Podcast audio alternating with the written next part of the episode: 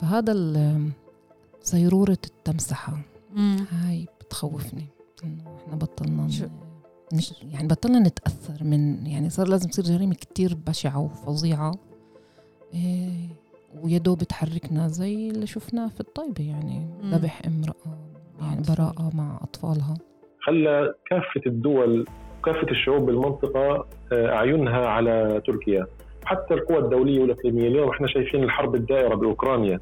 موقف تركيا موقف مهم وحاسم بالنسبة للأمريكان والأوروبيين وبالنسبة للروس.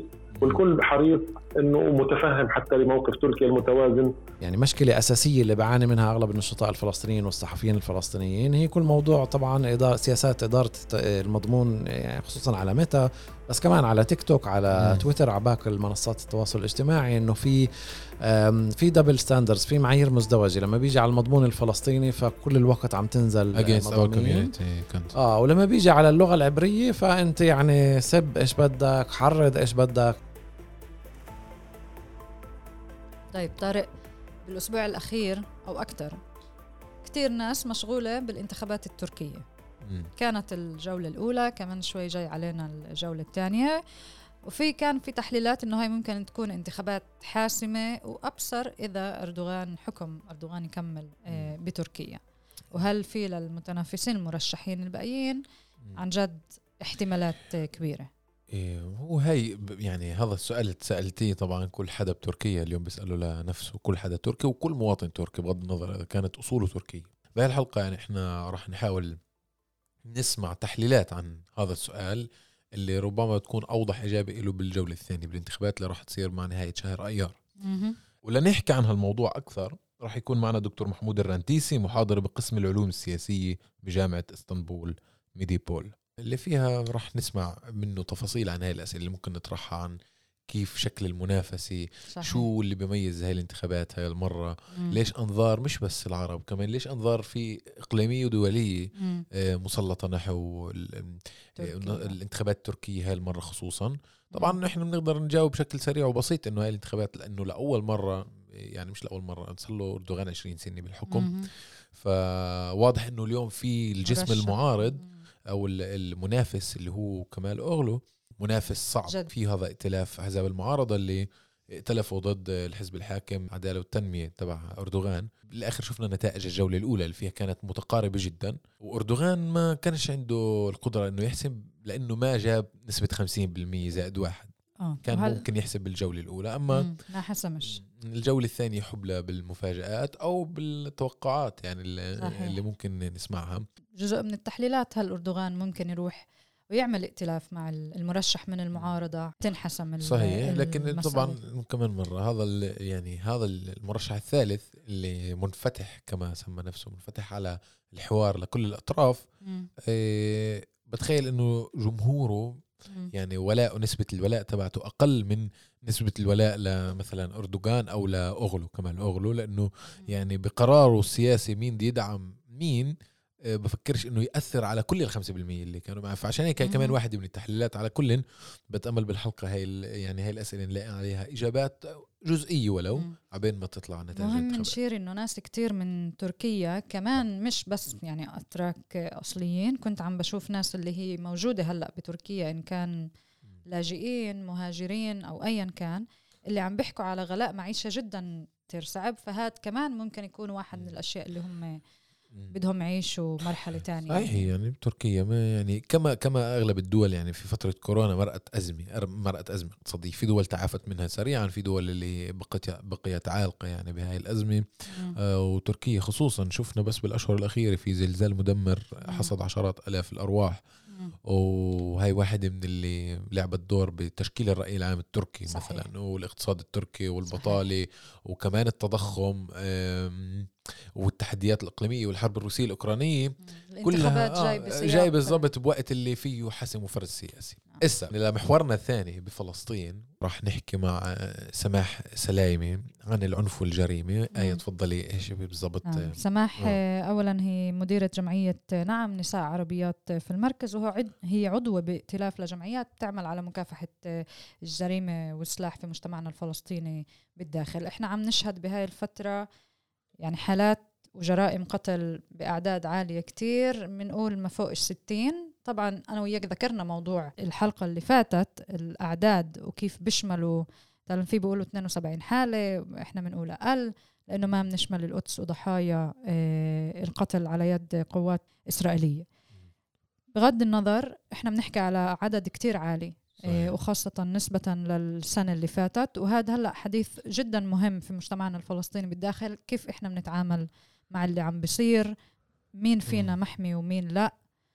صحيح. هو يعني هاي الجريمة كمان مرة إحنا بكل مرة يمكن بصير أحس إنه بنعيد على نفسنا بالحكي من يعني لأنه فعلا المأساة آه، أكبر من إنه آه، أي فرد يعني يلاقي حل خارق أو بطل صحيح. أو بطولة لمعالجة هاي الأزمة.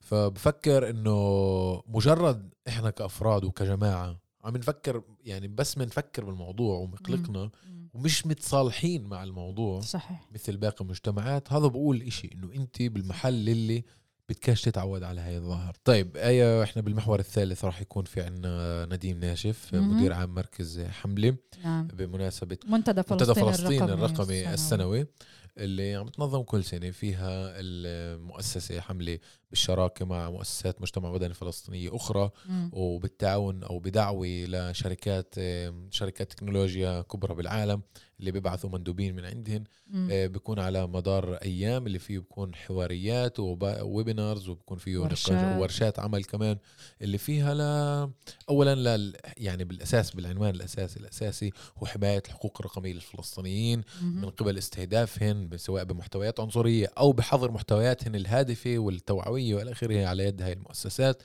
إيه بتخيل نديم آه، ممكن نحكي معه عن هالموضوع آه، مثير آه، إذا هاي. السنة رح يكون في مؤشرات وانتهاك حقوق يعني بدرجة تانية أو مختلفة عص- على مستويات اللي لسه ما إحنا مهم نحكي.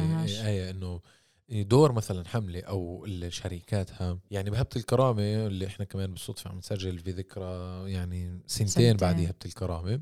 صحيح. إيه، اولا الحرية للأسرة إيه، جميعا. نعم. إيه، ممكن نحكي إنه مثلا بهذيك الفترة لما كان في نشاط فلسطيني بارز على المنصات ال social media مم. واللي فعلا كانت جزء لا يتجزأ من الهبة كان مم. كان واضح قديش شكلت آه وكمان شكلت الدعم والتضامن العالمي وكمان شكلت الحاضنة الفلسطينية بالداخل كلياتها الشعبية بالأساس صحيح آه فإحنا بنقول إنه لما المؤسسات الكبيرة مثل في ميتا مثلا فيسبوك مم. إنستغرام وتويتر وإلى آخره من المنصات حاولت تحارب المحتوى الفلسطيني وحظرت بعض الحسابات للصحفيين والناشطين الفلسطينيين مم. مثلا إيه، كان في دور لما كان في وعي رقمي أو محاولة إيه، حماية المحتوى الرقمي الفلسطيني عبر حمله مثلا تم استرجاع عشرات الحسابات مثلا مم. في منشورات اللي كانت لا تعارض بين ازدواج الم...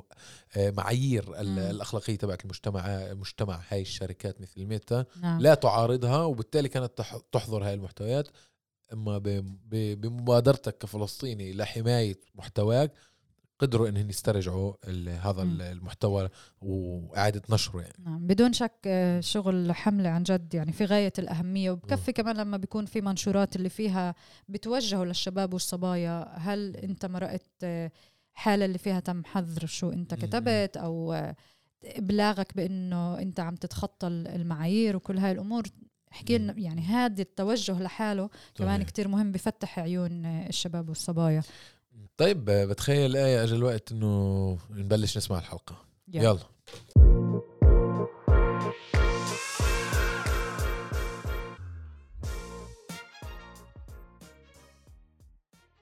بمحور الانتخابات التركية مثل ما حكينا لنعرف أكثر تفاصيل عن شو بصير هناك وليش هالقد الانتخابات مركزية وليش الأنظار العربية خصوصا مطلعة نحو مصوبة على الانتخابات التركية وعلى إيه، النتائج المحتملة من هذه الانتخابات ومدى تأثيرها على كمان السياسة الإقليمية والدولية وكمان على السياسة التركية داخل تركيا. فعشان نسمع عن هالموضوع أكثر رح نحكي مع دكتور محمود الرنتيسي محاضر بقسم العلوم السياسية بجامعة إسطنبول ميديوبول مرحبا دكتور محمود. أهلا أهلا أستاذ طارق أهلا وسهلا. الله يسعدك. إحنا شايفين في يعني ال- العرب ماخذين حيز بنقاش الانتخابات ال- على الأقل على المستوى الفلسطيني من اطلاعي ماخذين حيز بالنقاش تبع الانتخابات التركية. قبل ما نبلش نحكي عن العرب وعن الانتخابات وإلى آخره تركيا عندها انتخابات وفي شيء واضح إنه بيخصها أو بيميزها يعني في أنظار لا ملفتة لها على المستوى الاقليمي وعلى المستوى الدولي. كيف تبلش تحب تحكي لنا عن هالموضوع؟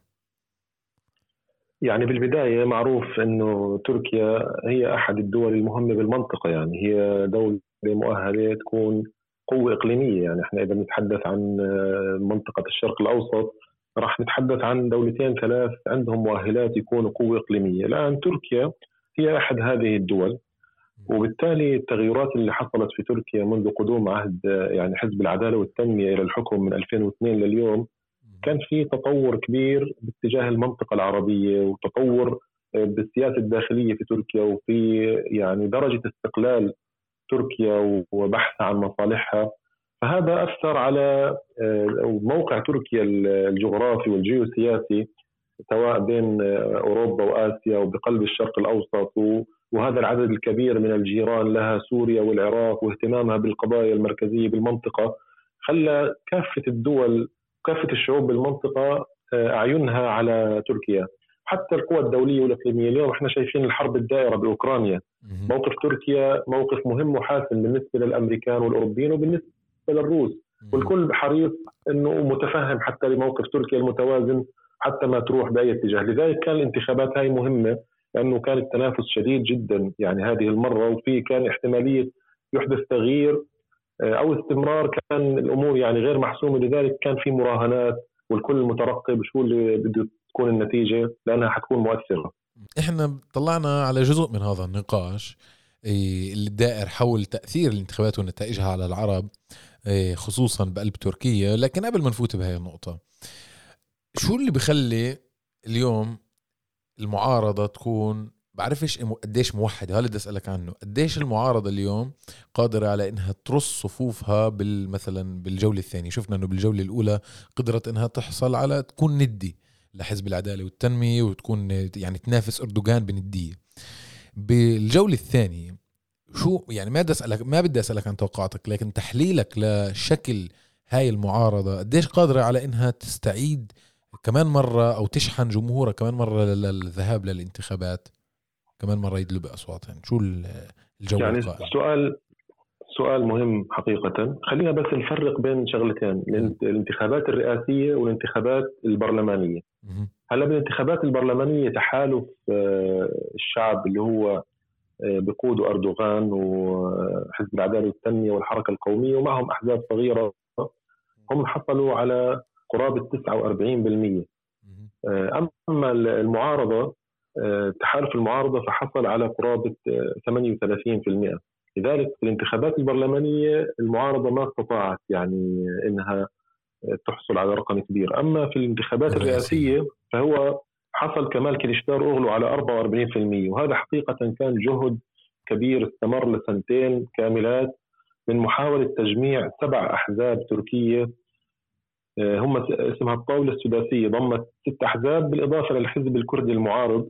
آه، اللي كان من وراء الطاولة لأنه كان صعب جدا يجتمع حزب الجيد اللي هو قومي تركي مع الحزب الشعوب الديمقراطي اللي هو قومي كردي. اثنين بتبنوا أفكار مختلفة ومتضادة. وهنا خليني أحكي عن فكرة التحالف يعني بعلم السياسة فكرة التحالف السياسي وفكرة الائتلاف السياسي. التحالف بيكون متماسك ومن مكونات أفكارها متقاربة مع بعض وهذا اللي اشتغل عليه أردوغان. وجاب آه، يعني يعني آه، أحزاب محافظة.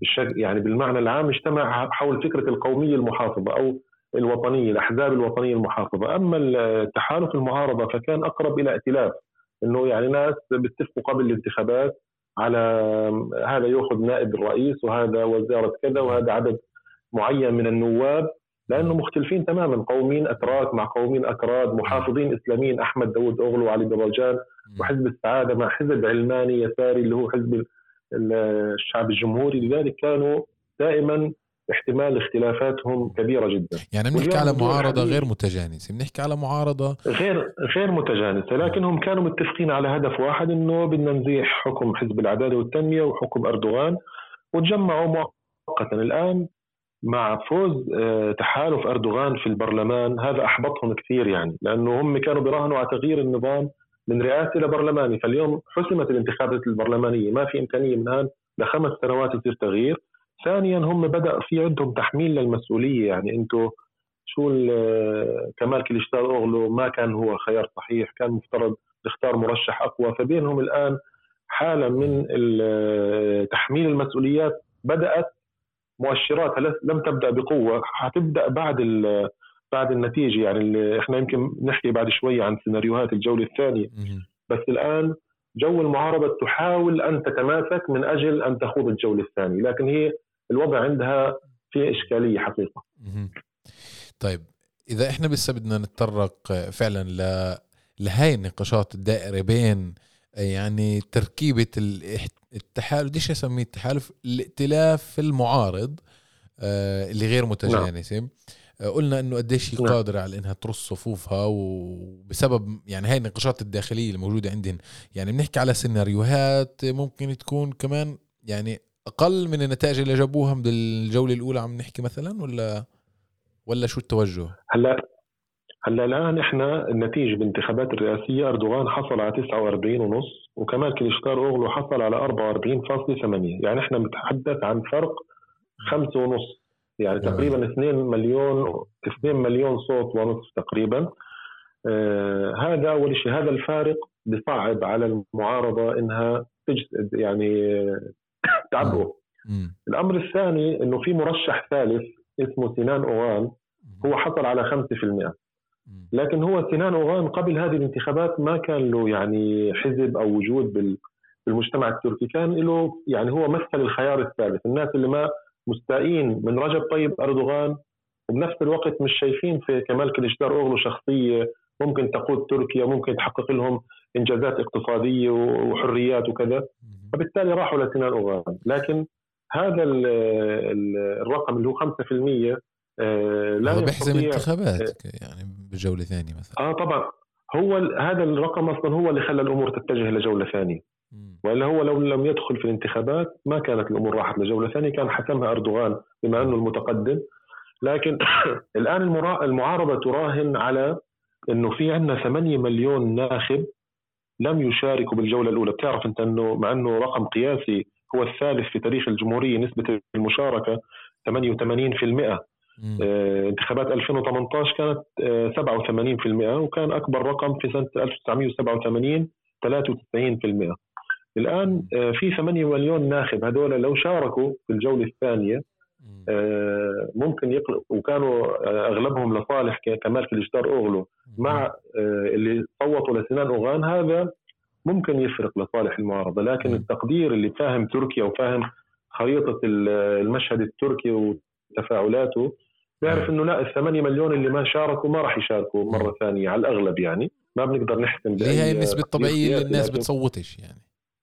بالضبط هذه ناس ما بتصوت بل بالعكس أنا رايح إنه إنه الناس حتقل نسبة ال 88% يعني في ناس أكثر ما راح يروحوا على الانتخابات. في ناس محبطة.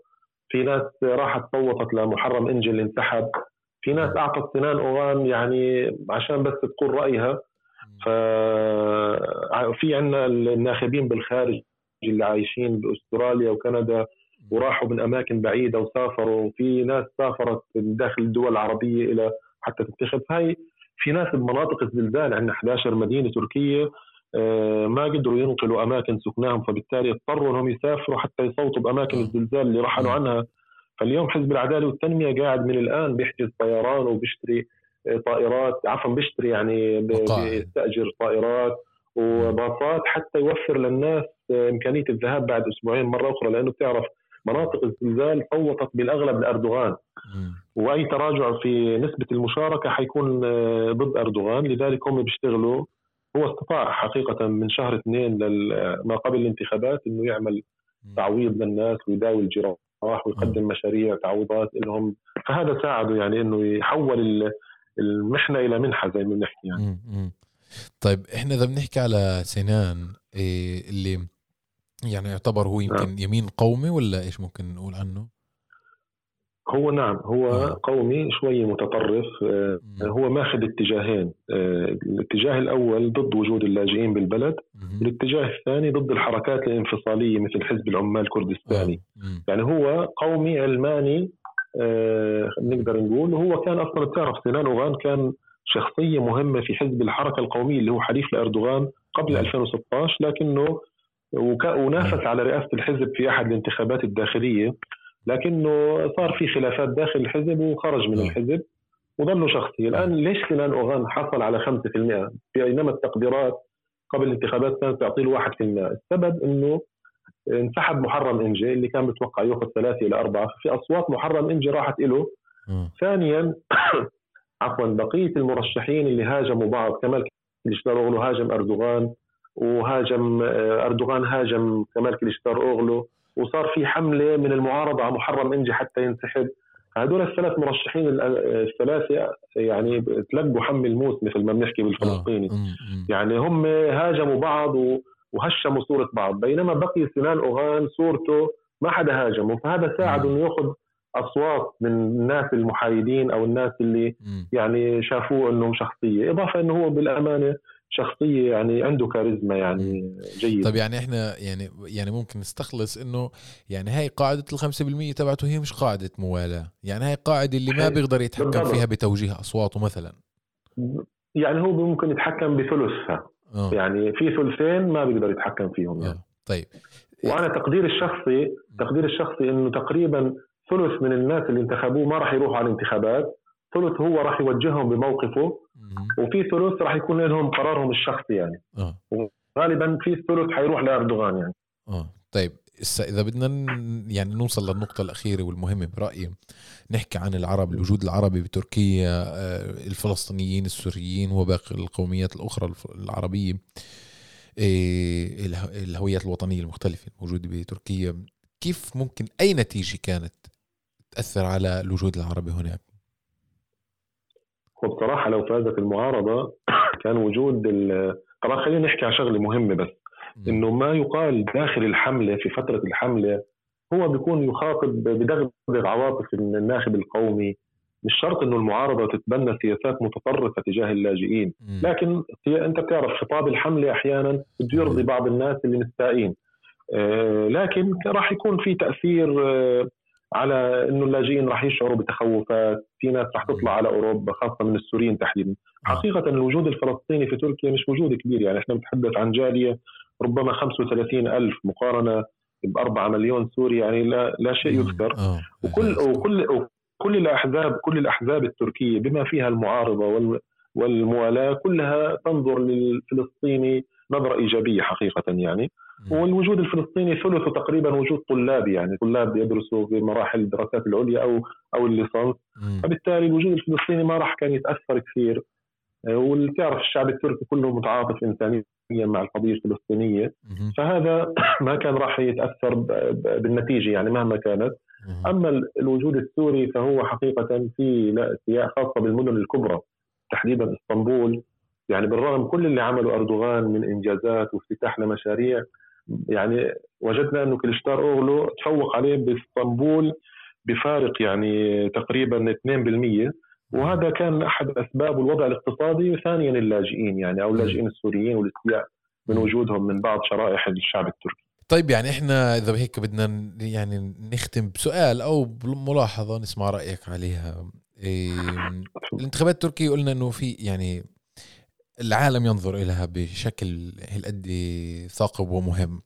إيه، شفنا إنه كان في دور تركي بالانتخابات بالحرب الروسية الأوكرانية يعني دور وسيط مش مش دور بالحرب أو المعركه إيه، شفنا نعم. إنه يعني كان في بفترة يعني السنوات الأخيرة عقوبات أمريكية كان في ندية سياسية. آه كمان شفنا تقارب شوي من النظام التركي بين إسرائيل يعني مش شوي يعني صار في تقارب وعلاقات رسمية مع إسرائيل بعد قطيعة. آه، شفنا كثير أشياء على يعني المحور الدولي والإقليمي بين تركيا و... هل ممكن الانتخابات تغير شيء؟ يعني يعني فيما لو اجت نتيجة مغايره للمعارضة. هل تحمل برنامج سياسي آه، مثلا إقليمي ودولي آخر عن اللي إحنا كان كنا شايفينه من تركيا؟ هو هذا حقيقة السؤال الأهم يعني. ممكن نحكي مهم جدا. لأنه بتكلم عن المستقبل. إحنا بس خليني أرجع سنتين للوراء. 2021 أردوغان بدأ عملية مصالحات بالمنطقة. آه راح باتجاه الإمارات والسعودية ومصر وحتى النظام السوري وحتى مع اليونان وأرمينيا يعني. فهو حيد المشهد الخارجي أنه يتدخل بالانتخابات. وأنا حقيقة مش بس هو راح بهذا التوجه نحو بسبب الانتخابات فقط لكن الانتخابات لأنه اليوم إحنا شفنا ما في أي طرف إقليمي كان له دور سلبي تجاه أردوغان بشكل بارز يعني إنه أو أو دعم المعارضة ضده يعني. صحيح. حتى الأطراف الدولية كان خلينا نقول تدخل ناعم جدا وغير مرئي. بايدن حكى بكلام تسريب مع الصحفيين شوية تمويل لبعض مؤسسات المجتمع المدني القريب للمعارضة ما كان في شيء بارز. باخر أيام بعض مجلات الصحف حكت آه، عفوا عفوا أغلفت الصحف انتقدت أردوغان بس هذا أفاد أردوغان ما ضره. الآن عفوا هذا على بالنسبة لل فهو حيد التدخل الخارجي وبالفعل في بعض الدول آه، بالإقليم قالت لك إنه إحنا فتحنا صفحة جديدة مع أردوغان. وخلينا في دول لا قالت ما دام في تنافس كبير واحتمال المعارضة تفوز يعني خلينا نترقب نشوف إيش بده يصير فبالتالي ما كان في أي تدخل. آه الآن بالنسبة للمستقبل أنا توقعي الشخصي وأنا متابع للسياسة التركية من أكثر من عشر سنوات إنه أردوغان بالسنة الأولى القادمة خاصة إنه إحنا في أمامنا تحدي اقتصادي كبير بتركيا يعني مهما كانت نتيجة الانتخابات راح كان يواجهه أول واحد حيكون بالرئاسة إنه بالسنة الأولى راح يكمل أردوغان بمسار المصالحات والتطبيع سواء مع دولة الاحتلال الإسرائيلي أو مع مع دول في المنطقة راح يكمل بهذا المسار، لكن بعد السنة الثانية وأنت شايف تركيا دولة تشتغل على موضوع الاستقلال الاستراتيجي لها إنها تكون يعني مش محتاجة بالصناعات العسكرية، مش محتاجة بالاقتصاد، فبدأت شوي نفسها يزيد. وشايف أنت كمان موضوع الهيمنة الدولية الهيمنة الغربية يعني الأمريكية على على العالم مع دخول الصين ووساطتها بين إيران والسعودية وقاعدة حتى بالسودان. فواضح القبضه الأمريكية بتقل فهذا بيخلي الدول القوى المتوسطة والإقليمية الأكثر قوة إنها تكون أكثر حضورا. وشخص زي أردوغان بنحكي إحنا على إنه ما في بالتاريخ حدا. أنا لا أذكر إنه في حدا بالتاريخ السياسي يعني إذا هو فاز بالرئاسة بالجولة الثانية حيكون أول قائد بقود حزب سياسي بالعالم بفوز لمدة 26 سنة بالحكم عبر انتخابات ديمقراطيه فهذا القائد آه، اللي صاحب الرؤية أكيد عنده رؤى لسياسة بلده. أنا أتوقع إنه بالسنة الأولى راح يمشي ما كمله بس بآخر سنتين من الخمس سنوات هاي أو آخر ثلاث سنوات راح يتجه لأحلامه ورؤيته الاستراتيجية لمكانه تركيا وهذا حينعكس على سياسة تركيا بالمنطقة وقيادتها يعني. وأتوقع إنه راح يكون في خطوات آه، قوية من تركيا في آخر ثلاث سنوات. طيب دكتور محمود شكرا كثير كثير كثير على هاي المداخلة القيمة. يعني وأنا بشكركم جدا على استضافتي وهي الفرصه الطيبة للتواصل مع جمهوركم الكريم. الله يسعدك. إحنا بهمنا يعني يعني دائما نتابع يعني القضايا اللي بالإقليم على الأقل كمان نحاول نربطها بالسياق العربي والفلسطيني والسوري وقضية اللاجئين وقضية ال... فمهم لنا هيك نسمع وعن جد كان حوار مهم ومثير وكان ولازم طبعا نحكي أكثر لكن في يعني مناسبات لاحقة كمان راح نحكي أكثر معك إن شاء الله إن شاء الله. شكرا شكرا كثير لكم. يعطيك العافية. الله يعافيك.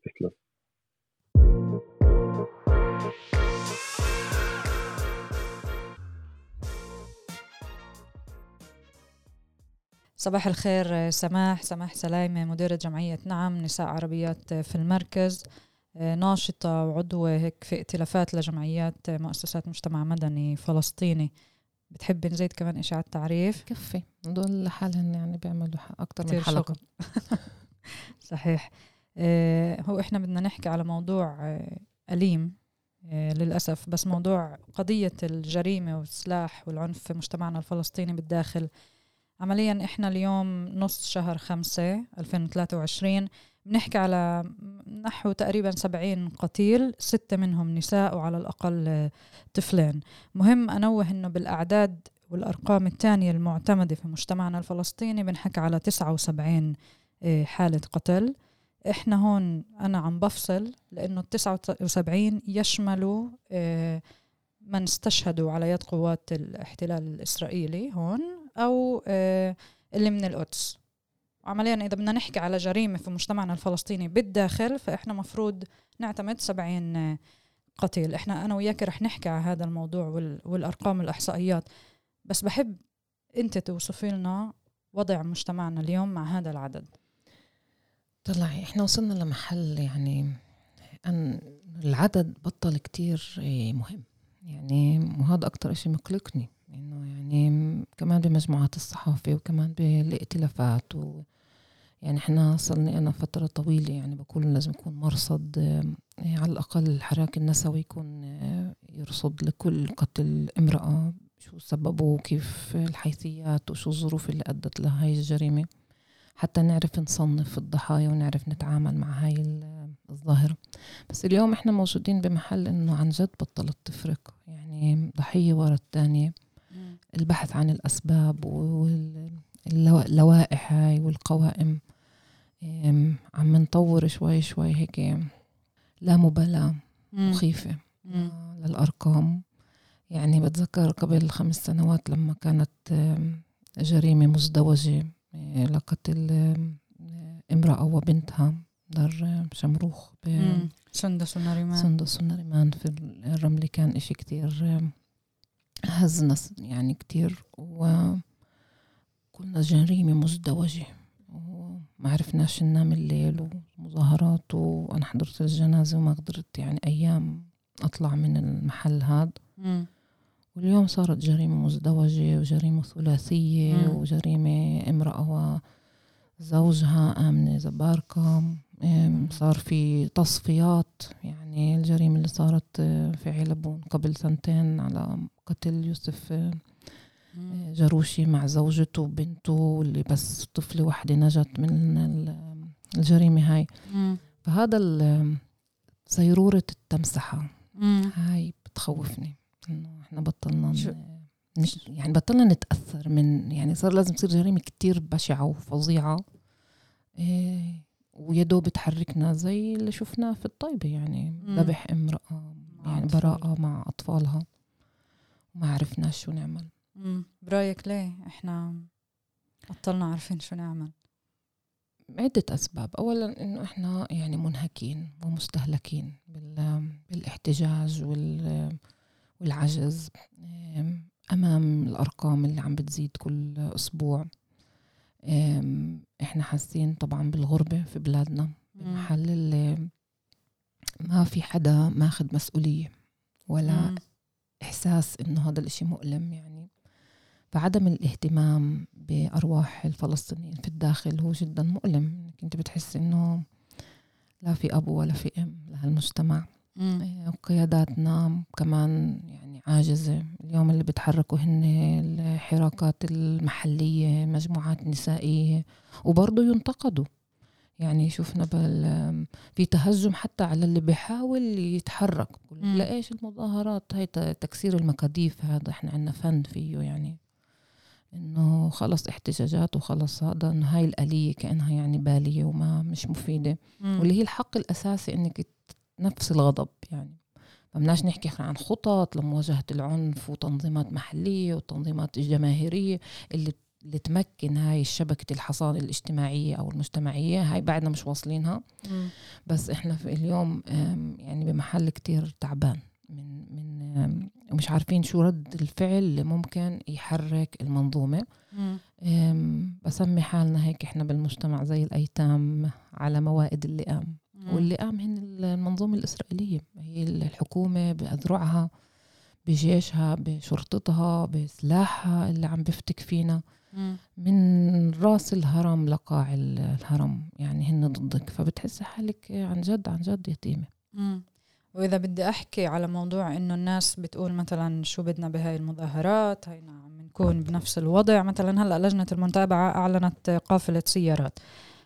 قديش هاي القافلة سيارات رح تشكل ضغط أو عن جد الناس تتواصل معها؟ قديش إحنا بنسمع عن جد الناس شو عم بتقولنا؟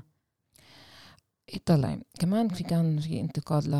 لأداء لجنة المتابعة ورد فعلها يعني لحد ما بلغ السيل الزبا زي ما بقولوا انه نتحركوا وبضغط من الجمعيات وبضغط من ال forum أو المنتديات الناشطين إنه لازم يصير إشي مم. وإحنا بدنا كمان هذا السقف أو بدنا الظهر من القيادة كأنه لجنة المتابعة لجنة السلطات المحلية يعني بعدنا بنعول على هاي الأطر لأنها هي الوحيدة الموجودة يعني مش راح نعول لا على وزارة الأمن الداخلي مم. ولا على بنكفير ولا يعني واضح إنه هدول دمنا ولحمنا ويعني إحنا بدنا حدا قيادي معينة اللي يعني خلينا نقول تقود هذا الاحتجاج لمحل كتير قوي. إيه، بعدها آلياتنا كثير كثير بدائية. يعني لا لا لا تتعلق بقديش الظاهرة مستشرية وصعبة. مم. يعني قافلة سيارات راح تصير. طيب وراح تطلع من السلطات المحلية يمكن باص أو باصات أو أو سيارات أو يعطوهم للموظفين معاش بهذا اليوم. راح يصير في قافلة. هل دولة إسرائيل راح تنهز فيها؟ ما بعرف مم. هل راح يكون عندهم الجرأة يسكروا شارع ستة؟ ما بعرف يعني شفنا بالاحتجاجات في المجتمع الإسرائيلي يعني لما بسكروا أيالون ساعتين بتقوم الدنيا وما بتقعد مم. إحنا كتير كتير مقيدين هيك ومكبلين ومتواضعين في أي خطوة حتى الخطوات الاحتجاجية صارت خطوات رمزية ف... فالمطلوب أكتر حراك وقح برأيي حراك جريء اللي نخاف. وبعدنا مش مأمنين إنه بنقدر يعني مع إنه كان في لنا سوابق يعني مشرفة في برافر بهبه أكتوبر هبة ايار يعني قدرنا نعمل شوي أكتر اللي اللي مش سامعنا على الأقل يسمع. مجبورة أقول لك شغلة. إنك أعطيتي أمثلة اللي قادت فيها كانت الشباب طبعا. شو القياده طبعا ما هو أنا بحكي. أنا حكيت إنه الحراكات الشعبية التنظيمات المحلية مجموعات الشبيبة بموضوع قتل النساء مجموعات النساء صحيح. يعني حراك أمهات ضد السلاح المسيرة اللي صارت اللي أغلب السياسيين انضموا لها هون وهناك من حيفا لبيت رئيس الدولة كأنه يعني كأن قيادتها نساء اللي ثكالى النساء اللي فقدوا أطفالهم أولادهم وشباب اللي بعمر الورد يعني فمبارح على فكرة سمعت بالراديو براديو الشمس متأسفة يعني نعم بذكر لا لا تمام. بس آه، صحيت الصبح على صوت أم حمادة من عكا. يعني عم تحكي إنه أنا أم في عكا في محل هالقد صعب في مدينة مختلطة موبوءه بالعنف وبالفقر بس أنا ربيت أولاد وعلمتهم وراحوا على الجامعات. عندي طبيبه في البيت وابني هذا عمل لقبين وتعلم وكان لازم يكمل تعليم بألمانيا. وقتلوا لي إياه. إيش أنا كأم بقدر أعمل أكتر من هيك عشان مم. ينهض بهذا المجتمع. إيش مطلوب مني أساوي عشان أحمي ولادي؟ يعني فالنظرية اللي إحنا حكيناها لحالنا وأقنعنا نفسنا فيها إنه إذا أنا بهتم بحالي وبولادي وبنتعلم وبنشتغل أو من وجههم كأنه على المسار الصح كله رح يكون منيح تمام؟ صح. بس اليوم يعني انخنا صار في خيانة هنا وعم الصوت الحقيقي اللي أنا بآمن فيه إنه نرجع مزبوط عندك نجاحات فردية عائلية هيك صغيرة بتجنن بتخلي كل فلسطيني في الداخل يرفع راسه.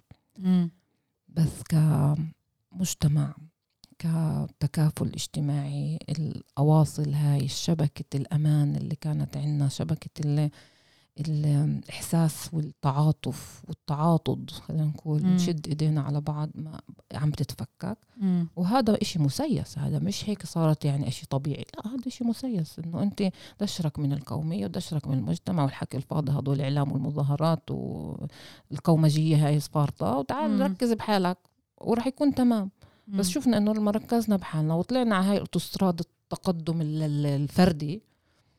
عملنا حادث حادث صعب كثير خلانا كلياتنا معاقين ومشلولين حتى اللي معاهم شهادات وحتى اللي وصلوا لأعلى المراتب عم بدوقوا كاس المر تبع الموت وتبع القتل. م. بس لما انسألت هاي المرة هل عندك أمل بعد؟ هل في إشي بدك تعمليه؟ قالت كل إشي ممكن أعمله عشان كمان إم ما تنضم لهاي دائرة الفقدان راح أكون فيه. وراح أكون بالمظاهرة وراح أكون بالقافلة وراح أكون بكل محل بينادوني عليه. هاي هي الروح الفلسطينية هاي هي روح المقاومة أنا اللي بسميها. المقاومة البسيطة الفطرية لأم بدها أولادها أولاد جارتها أولاد عارتها يعيشوا. وهذا الإشي لازم يتعزز لازم يتقوى ولازم يعني نقويه ونكبره لأنه هذا الإشي الوحيد اللي ضللنا كيف بدنا نعززه ونكبره اليوم؟ شوف أنا عاملة اجتماعية. يعني زي الناس بفكروني إعلامية ونسوي بالأساس أنا عاملة اجتماعية. كتير ناس بسمون زي أهلي يعني كتير تغلبة بس إنه بالأساس إحنا نشتغل مع الناس. م. الناس هن اليوم أنا برأيي بأي حراك بأي موضوع مش بس العنف. بس اليوم بما انه قضيتنا هي الأولى إحنا مشغولين بصراع البقاء مم. صحيح يعني بطلنا نحكي عن السكن وبطلنا نحكي عن الحقوق بكثير مجالات اقتصادية والعمل والمساواة في الأجور كل هاي المواضيع كأنها صارت هامشية هامش. وتافهة بالنسبة لإنسان بده يروح على شغل ويروح عايش مم. مش يرجع بكيس بلاستيك يوصل لأبو كبير مم. ف أنا بآمن بالقاعدة بآمن بالناس اللي بالشارع بالناس اللي هن بيعرفوا يعني يمكن ما يعرفوش يقروا ويكتبوا ورقة موقف لحكومة أو م. بيان للصحافة بس بيعرفوا إنه كيف ينظموا حارتهم وجارتهم وجيران ويعملوا مظاهرة وإذا إحنا هدول الناس بنساعدهم يتنظموا وبنكون جزء منهم وبنلتحم معاهم أنا بفكر إنه فيش حدا بيقدر على هذا المجتمع إذا عاد بناء شبكته الاجتماعية الوطنية هاي مم. حتى يحمي حاله لأنه مم. واضح إنه إحنا يعني ما حدا بده يحمينا غير حالنا نعم وهلا إذا بدي أحكي عن موضوع المنظومة أنت ذكرتيها المنظومة الإسرائيلية السياسة ممنهجة اللي هي عن جد حاولت تاخذنا لمسار فردي تشغلنا عن الاحتلال إنهاء الاحتلال يعني 48 حق العودة القضية الفلسطينية ككل قالت لنا كونوا فوتوا اقعدوا على جنب. بالضبط. فوتوا بهذا المسار الفردي انجحوا وما إلى ذلك. بس بالآخر صفينا فعلا زي ما أنت عم بتقولي في نكبة تانية إحنا هلأ عم نعيشها اللي هي الجلاح الجلاح السلاح آه، والجريمة. في عنا وعي إنه هل عن جد مجتمعنا واعي وشعبنا واعي إنه هاي فعلا سياسة ممنهجة أخذتنا من المسار الفردي وعم بتفكفك فينا؟ أنا بفكر هاي دور يعني إحنا حكينا عن القاعدة وهيك بس دور النخبه المثقفة الدارسه اللي علمناهن بالمدارس وهيك اللي أنا وانت وغيرنا وكل واحد يعني قاري له كلمتين هيك ممكن يفيد مجتمعه فيهن مش هيك بيحكوا.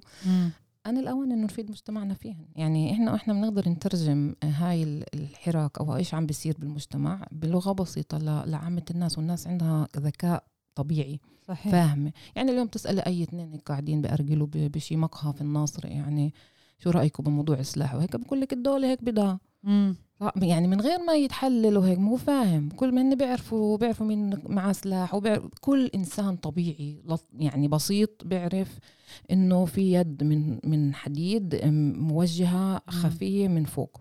طيب. وهي مش لأنه إحنا منكوبين وبعدنا منكوبين وخايفين كل الوقت من الجهاز الامن العام وخايفين لا لأنه إحنا فاهمين إنه إحنا مستهدفين إن إحنا عايشين بمجتمع فلسطيني في في داخل إسرائيل مجتمع مستهدف وفاهمين إحنا هاي التعابير مش بحاجة إنه بس أنا بفكر إنه في دور للنخبة اللي هي آه، مهنيين آه، آه، قارئين باحثين علماء ناس نشطاء اجتماعيين كل المجتمع المدني علينا مهمة وطنية من الدرجة الأولى إنه نحلل نكتب نوصل هاي الرسالة ونحطها في قالب إنه يا مجتمعنا هذا اللي عم بيصير فينا. والناس عندها تقبل تفهم كل رسالة ممكن نوصلها بكل سهولة. اليوم يعني الكل كل بين كبير بيعرفوا شو الأجندة تاعته للمجتمع العربي. بدهاش دكتوراه يعني في العلوم السياسية يعني من جامعة تل أبيب. سوري يعني. صحيح. مزبوط؟ فاذا إحنا بنيجي هاي ال ال الوابل هذا الفيضان المعلومات هاي بنرتبها للناس بنقدر هاي جزء من التنظيم. مم. كمان ننظم الخطاب. زي ما يعني إذا بدنا نبعد شوي عن موضوع الجريمة. في يوم من الأيام قعدوا كتير ناس نخب آه ثقافيه نخب دارسة ومقارئة ترتب وكتبوا أوراق موقف. كتبوا شو علاقتنا إحنا في هذه الدولة. وطلعوا أربع وثائق يعني في في تاريخنا قبل 20 سنة و15 سنة. هذا عم تحكي على 2006 أه، بحكي عن وثائق وزي وثيقة حيفا لأن هن أربع محاولات لترتيب أه، علاقتنا كأقلية قومية في هاي الدول. مرقوا تقريبا أه، يعني 20 سنة 15 سنة من من الانتفاضة الأولى ويعني الثانية عفوا. يمكن آن الأوان إنه كمان إحنا لازم نرتب أوراقنا. يعني وقتها بوثيقة حيفا ما ذكر موضوع السلاح والتفكيك المجتمع من الداخل. كنا خايفين من كتير مواضيع يعني تانية بس آن الأوان إنه نجدد. آه، الفكر هذا ونرتبه ونوثقه وبنفس الوقت ندعم الحركات الشبابية والنسوية والحركات الجماهيرية من القاعدة من الميدان ميادين ومن الشعب من الحارات ومن الأحياء. وفي يوم يعني إذا اشتغلنا صح مع الإعلام مع المجتمع الدولي مع إحنا مسارات القضائي والحكومة كله كله شرعي. والإعلام هاي التيارات كلها أو هاي الينابيع كلياتها من النشاط راح تتحد وتصل لمحل صح. هلأ هي وين؟ إحنا بعدنا بندور على المنابيع ينابيع هاي وين المعلومات؟ عندنا كتير مي جوفيه عم نعبي. وفي هناك وهنا وهناك يعني محاولات آه، آه، بتطلع هيك ينابيع صغيرة ورائعة وبتعطيك أمل إنه هذا المجتمع بعد فيه حياة وبده حياة والأرض هاي رح يعني تتفجر هاي المي وتصير خضرة صح؟ مم. ومش عارفة كيف جبتها هاي الصبح. يمكن عطشان أطلع هاي هالمي. هاي المي بدي المياه الجوفية أنا تبعت الينابيع فكرت تتفجر شيء ثاني لا لا لا أنا بتفجر طاقات إيجابية. بس إنه عن جد إحنا في محل اللي بنعرف إنه عندنا طاقات مش عارفين نرتبها. طيب؟ دائما احكي مع أي آه، الرجال ونساء السياسة بالأحزاب وهيك وبتحكي مع الباحثين مع العلماء وكل هدول اللي بيحكوا عن المجتمع العربي الفلسطيني في الداخل كل لك إنه في كتير طاقات مش عارفين نرتبها في كتير نوايا حسنة مش عارفين ننظمها في كتير مين مين مش عارف يرتبها؟ ما هو. إحنا كمجتمع ولا مين؟ ما إحنا شو هدول هو الشعب بقول لك وين القيادة والقيادة بتقول لك ادعمونا وحطوا وتعالوا ورانا. فأنا بفكر إنه يعني في أنا أنا من الناس اللي بيآمنوا بالجمهور. يعني والطاقات هاي يعني شوفي حتى بكل المجتمعات عادة المجتمع يعني والشعب بيكون أقدر وأحكم من القيادة وبفرض حاله على القيادة. يعني شفنا مم. بكل عشان نفوت بكل الفيلم الهندي اللي اسمه المشتركة بس إنه آه، يعني في عند الناس جهزية أكثر للتنظيم ولل توحيد القوة من القيادات اللي بيحكمها بالأساس رجال مع إيجو كتير مثقل يعني على أكتافهم اللي بيمنعهم يعملوا الإشي الصح اللي هن عارفين إنه صح.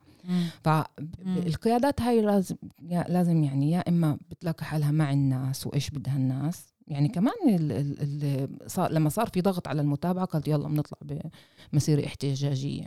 يعني ما اجت مبادرة منهم يعني بعد قتل آه، الحارس الشخصي تبع رئيس بلدية آه، طيبة بعد يعني صار في كم من حادثة بشعه وصار في ضغط ونقعد ويحكوا مع نقعد مع واجتماعات طارئة لحد ما يعني انجبروا ينعمل هذا الإشي. يعني ما أجى بسهولة أجى كمان بضغط. دليل إنه يعني أنا الإشي المشرق إنه إنه بعد في عنا قوة إنه نضغط على القيادة. والإشي اللي كمان يعني هن فهموا إنه لازم يكون ردة فعل ملائمة لا لإيش حاسس الشارع. والقيادة اللي مش متصلة ولا متواصلة بشكل صحي مع الشارع رح تلاقي حالها برية الحلبة السياسية مم. في يوم من الأيام. وبتأمل إنه يكون قريب هذا اليوم اللي قيادات اللي هي آه، متراخية مهلهلة عفى عليها الزمن.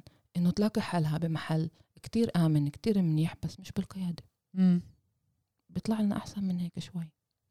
نعم. طيب هو للأسف دايما آه، يعني سيناريوهات آه، إذا بدنا نحكي كمان عن سلطات محلية وقت الانتخابات وهي قربت شهر 10 2023 دايما بنحط إيدنا على قلبنا. الله يستر شو بده يصير.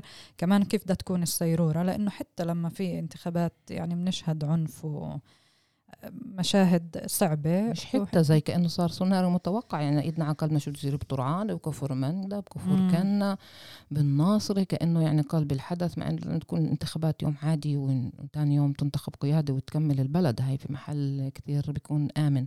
مم. وصار عندنا خوف يعني صار عندنا حتى تراوما إحنا عمليا صدمة وبوست تراوما بدها تيجي الانتخابات الله يستر. صح. بدل ما يكون عرس انتخابي بده يصير يعني مأتم انتخابي يعني هذا الإحساس يعني كأنه هاي بدل ما نحتفل بحالنا ونحتفل بتغيير قياداتنا وبالدم الجديد اللي يضخ يعني المفروض يخدمنا بالأساس م. عم نرجع ل... ل غير طبعا موضوع القبلية والعائلية وكل الإفرازات اللي هي بدنا نقنع حالنا إنها مش موجودة بمجتمعنا بتطلع بشكل كثير كثير واضح بالانتخابات وبتخوف لأنه اليوم كمان بدينا نحكي عن السلاح يعني عم نشوف ظواهر إنه هاي منظمات السلاح هاي منظمات الارهاب المدني أنا بسميها. مش بس أنا طبعا. صار لها جزء من من هاي الحراك الديمقراطي كأنه هن جزء من العملية الانتخابية كأنه عادي طبيعي طبعا اخر شوي بيعملوا شو اسمه آه، قوائم خاصة فيهم يعني. مم. مع السلاح تصل للنجاح يمكن يكون الموتو تبعهم مش عارفة. بس بدك تكوني أنت قائدة الحملة الانتخابية. مش عارف يعني أنا يعني الوقاحة اللي وصلوا لها مم. منظمات السلاح إنه مش بس دخلوا موضوع المناقصات والخاوة والسوق السوداء وكل هاي الأمور عم بيأثروا على المرشحين وبيدعموا كسبونسرز بعض المرشحين اللي بعد انتخابهم رح لازم يدفعوا الثمن. وإحنا كلنا كمجتمع البلد كلها. طبعا بالضبط. المجتمع المحلي اللي انتخب هذا القائد أو هذا الحزب أو شكلوا هذا الائتلاف المحلي بأصغر بلد عربي رح يرفع الثمن رح يدفع الثمن يشوف مين المناقصه اللي بده مين بده ياخذ مناقصه الزباله ومواصلات. الأولاد ومين بده يبني ال- ال- البساتين بهاي. البلد. كلها هي تترجم لمحلات اللي هي بتمس المواطن العادي في اليوم يوم. فإذا إحنا ما ما انتبهنا لهاي الأمور ومثلا عشان هيك في مجموعة هلأ من يعني إحنا ما بعرفش كيف بدي أحكي عن الموضوع لأنه بعده ما, نشرناه بس إنه في مبادرة حتى نلزم يعني مبادرة كمان من نشطاء ونشاطين سياسيين واجتماعيين ونشطات انه إنه نعمل وثيقة اللي كل مرشح يمضي عليها وانه يلتزم فيها. كمان في مبادرة للجمعيات النسوية إنه يحط قضية العنف وقضية الإجرام بالسلم الانتخابي أو كهدف أول في كل آه، السيرورة الانتخابية وللعمل السياسي يكون في خطة لكل مرشح.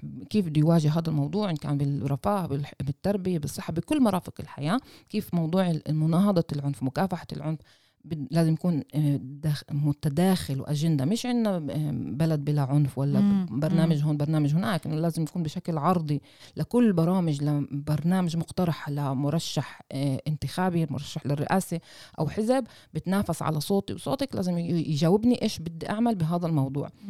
بس سماح الإشي اللي أنت عم تحكيه فكرة يعني كتير مباركة ومرحب فيها.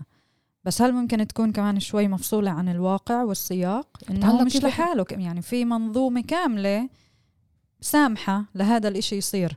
إذا بدنا نحكي المنظومة الإسرائيلية هلأ. طيب يعني- يعني بس هدول هاي المنظومة اذا ناخذ بلد آه، نقول وهمية اسمها كفر آه، بعرفش إيش آه، الطاولة آه. امم عرب الطوالين. مش موجود يلا آه. هاي فيها هاي البلد هاي فيها آه، ألف ناخب هدول الألف ناخب إذا كان عند 500 منهم وعي لإيش ممكن الجريمة تعمل في بلدهم مم.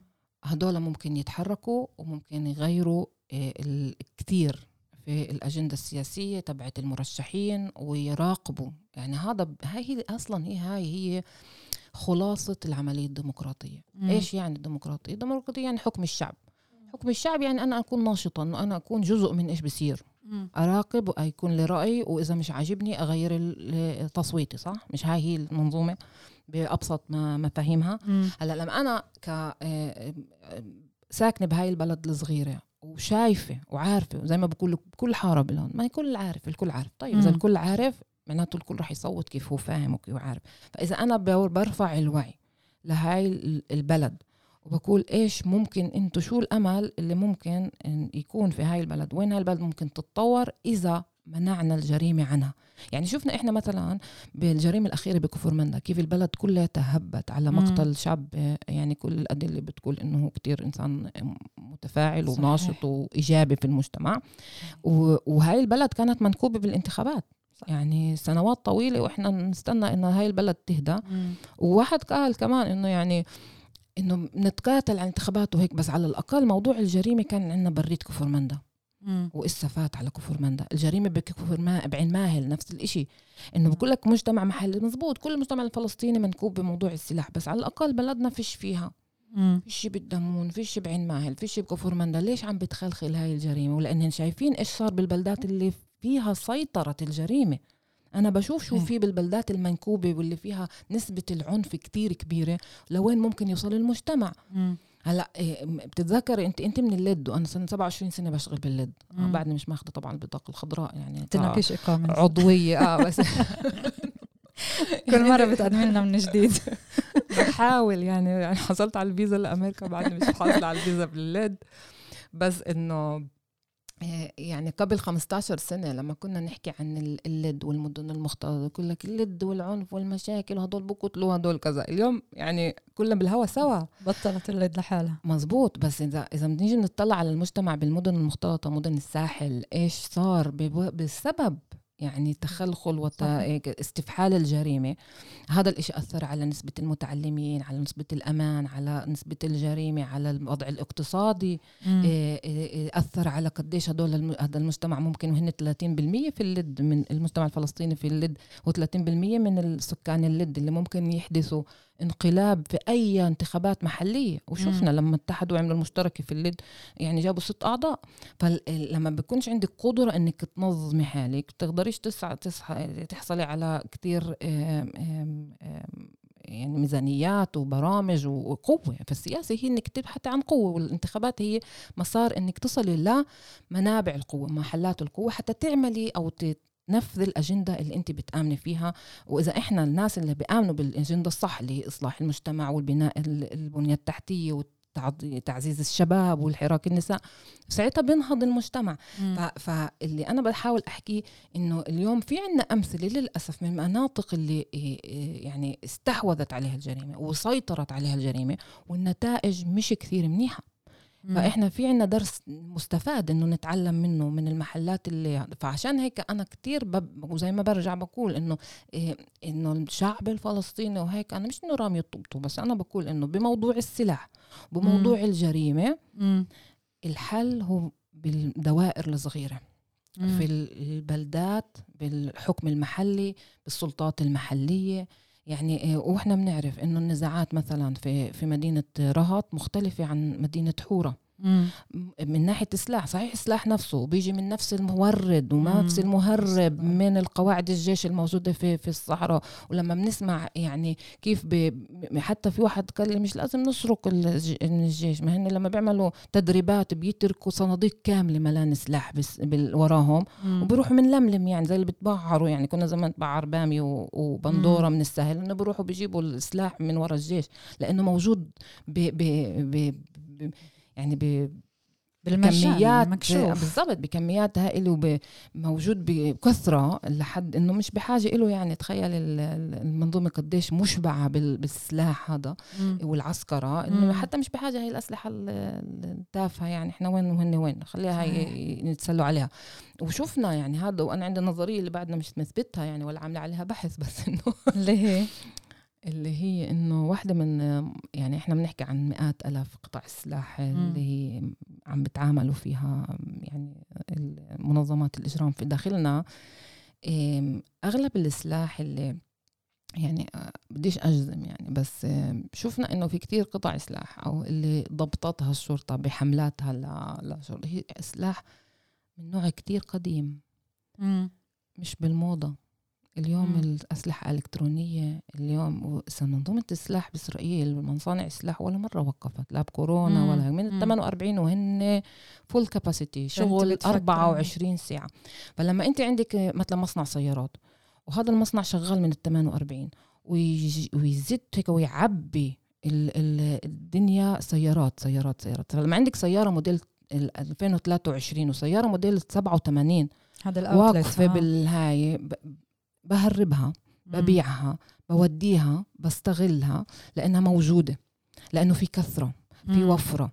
فهاي وشفنا هذا الحكي وحتى ب يعني بدي أجيب من العملية اللي صارت عملية الاستشهاديه اللي صارت بتل أبيب. كيف وصلوا للقاتل بشفعة بكفر قرع؟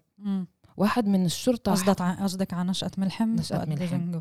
كيف؟ عرعرة. كيف؟ عرعرة. واحد من الشرطة قال إنه السلاح طراز السلاح اللي هو استخدمه أنتج بس بسنة واحدة اللي ما عادوش هذا النموذج وعارفين إنه كم من قطعة سلاح يعني اللي أنتجوها من هذاك الموديل القديم اللي بطل حدا يستخدمه. مم. يعني إذا اليوم بشرطة إسرائيل بتملك 300 ألف قطعة سلاح نقدرش نعرف من وين أجوا شو مسارهن والعدد اللي فأنا شو بقول؟ إنه من كتر ما في سلاح بإسرائيل اللي هي اليوم مش بحاجة له بقول لك التكنولوجيا يعني اليوم إحنا بنحارب بالتكنولوجيا صح مم. مش بحاجة لواحد يوقف هيك وتخ هاي هدول راح موديله هذا آه بس العرب مكيفين عليه إحنا آه إحنا آه. مبسوطين آه. عليه إحنا مكيفين عليه لأنه السلاح اللي زمان لما أنا بلشت شغل قبل 27 سنة في الليد 25 آه، سنة كان كانوا يحكوا لي 30 40 ألف شيكل قطعة سلاح وهيك طب اليوم ألف شيكل بتجيبيها وحتى بتقدر تستأجريها ل 24 ساعة مم.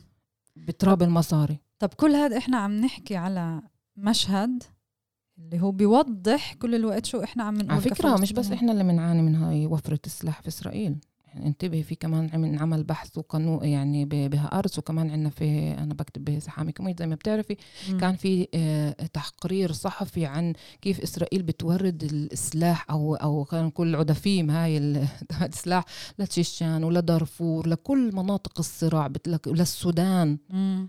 زي كأنه بدوروا على كل محل فيه هذا بيقول يلا حاربوا خذوا قتلوا بعض سووا بعض. فيعني انه في موجود يلا خذوا يعني اسرائيل تتفاخر بكمية السلاح اللي بتبيعها وبتصدرها بس بتبيعها. لمناطق اللي هي عالم آه، ثالث. بالعالم ثالث اللي بتصارعوا بعض وهي بت... بتربح من هذا الإشي يعني طبعاً. معروف من أيام باريس هو اللي فتح سوق السلاح. للسودان ولا لكل الصراعات العرقية. والتطهير العرقي. والصراعات بين القبائل في أفريقيا وإسرائيل عملت من هاي الإشي مليارات. اليوم اللي يعني. فكل هاي ال- التوالي لعسكرة في- إسرائيل. إحنا اليوم صار في سوق محلي اللي نعم. هو المجتمع الفلسطيني في الداخل. نعم. طب سماح إحنا عم نحكي بشكل واضح كيف إسرائيل بتسرب سلاحها وتسمح للسلاح هذا يفوت على المجتمع الفلسطيني يتم استخدامه إحنا اليوم صرنا شاهدات كلنا وشاهدين على عمليات قتل. يعني آخر فترة صرنا كلياتنا شايفين السلاح اللي بتخ في الشاب اللي انقتل بمحطة البنزين قريب هون آه، قضاء الناصري الصبية اللي انقتلت قبل امبارح ديما بوشناق آه، برانسي كتير حالات اللي إحنا صرنا شاهدات عليها.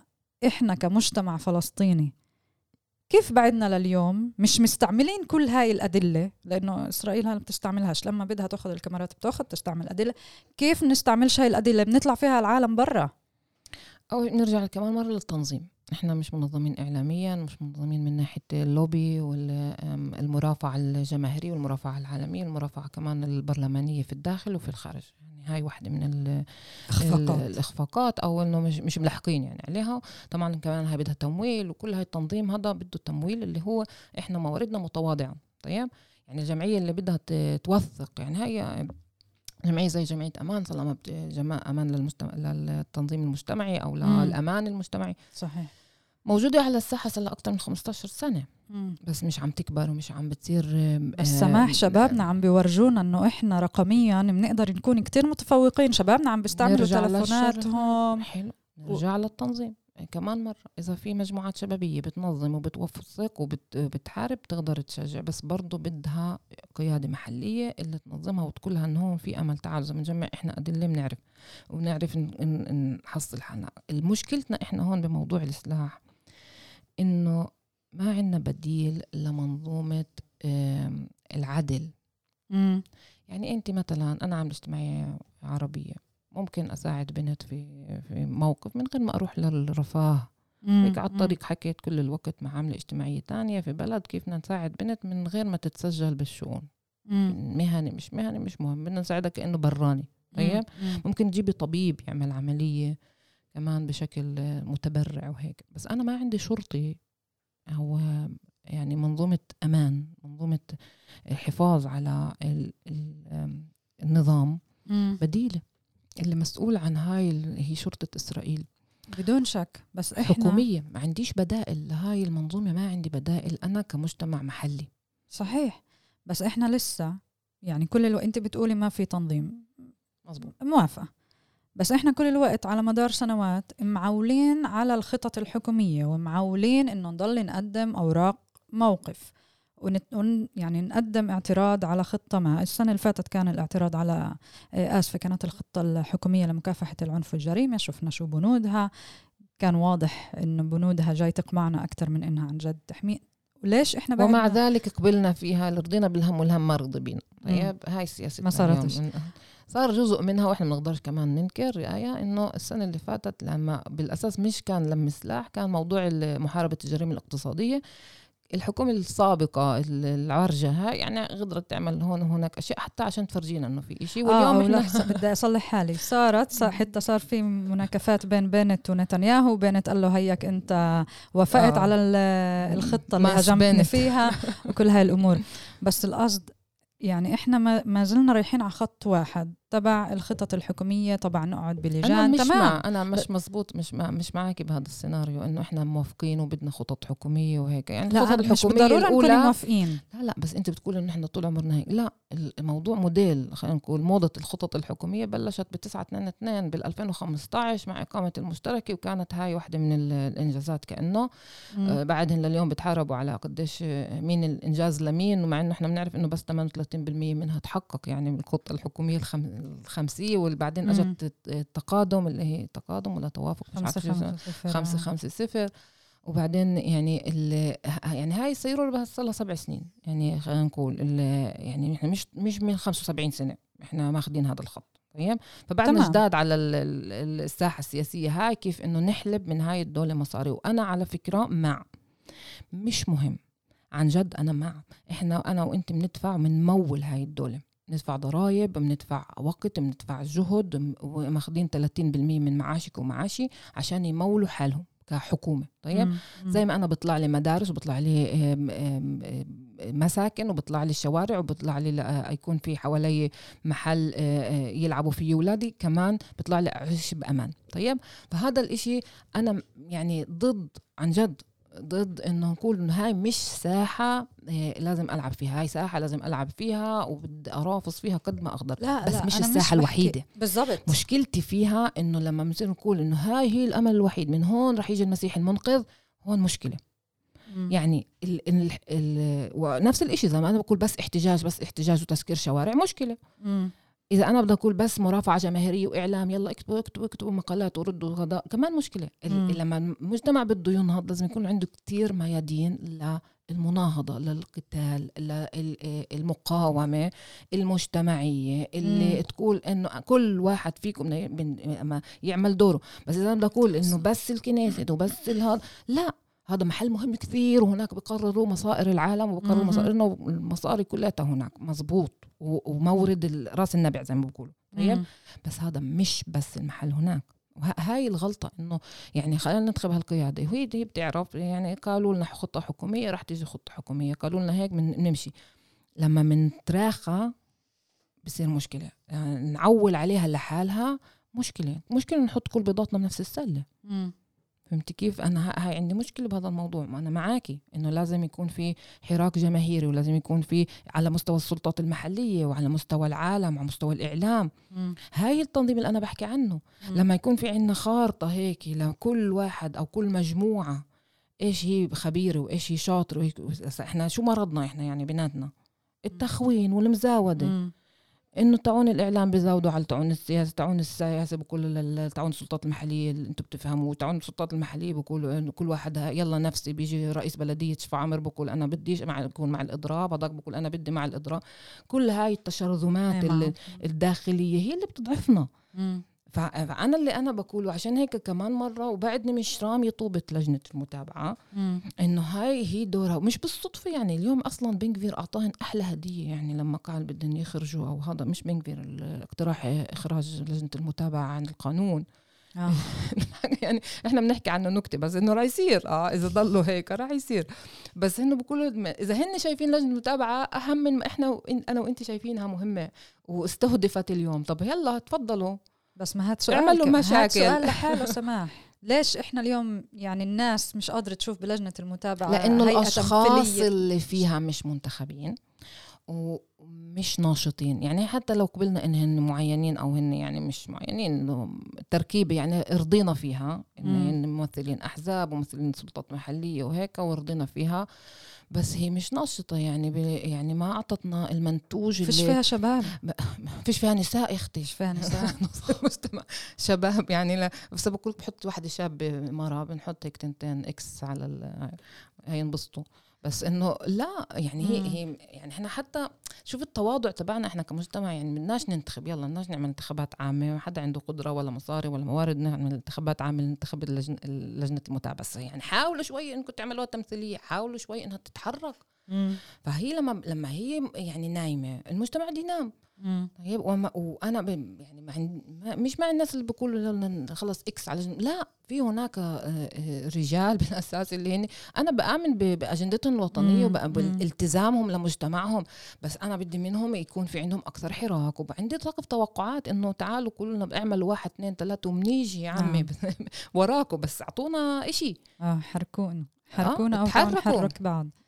أنا أنا بدي أوضح إنه أنا كمان عن جد بشوف بالهيئات التمثيلية مهمة. يعني إحنا بحاجة لهاي الهيئات. يعني بزبطش كمان إحنا هيك هيك حاسين حالنا لحالنا ومقطوعين لا أم ولا أبو أوه.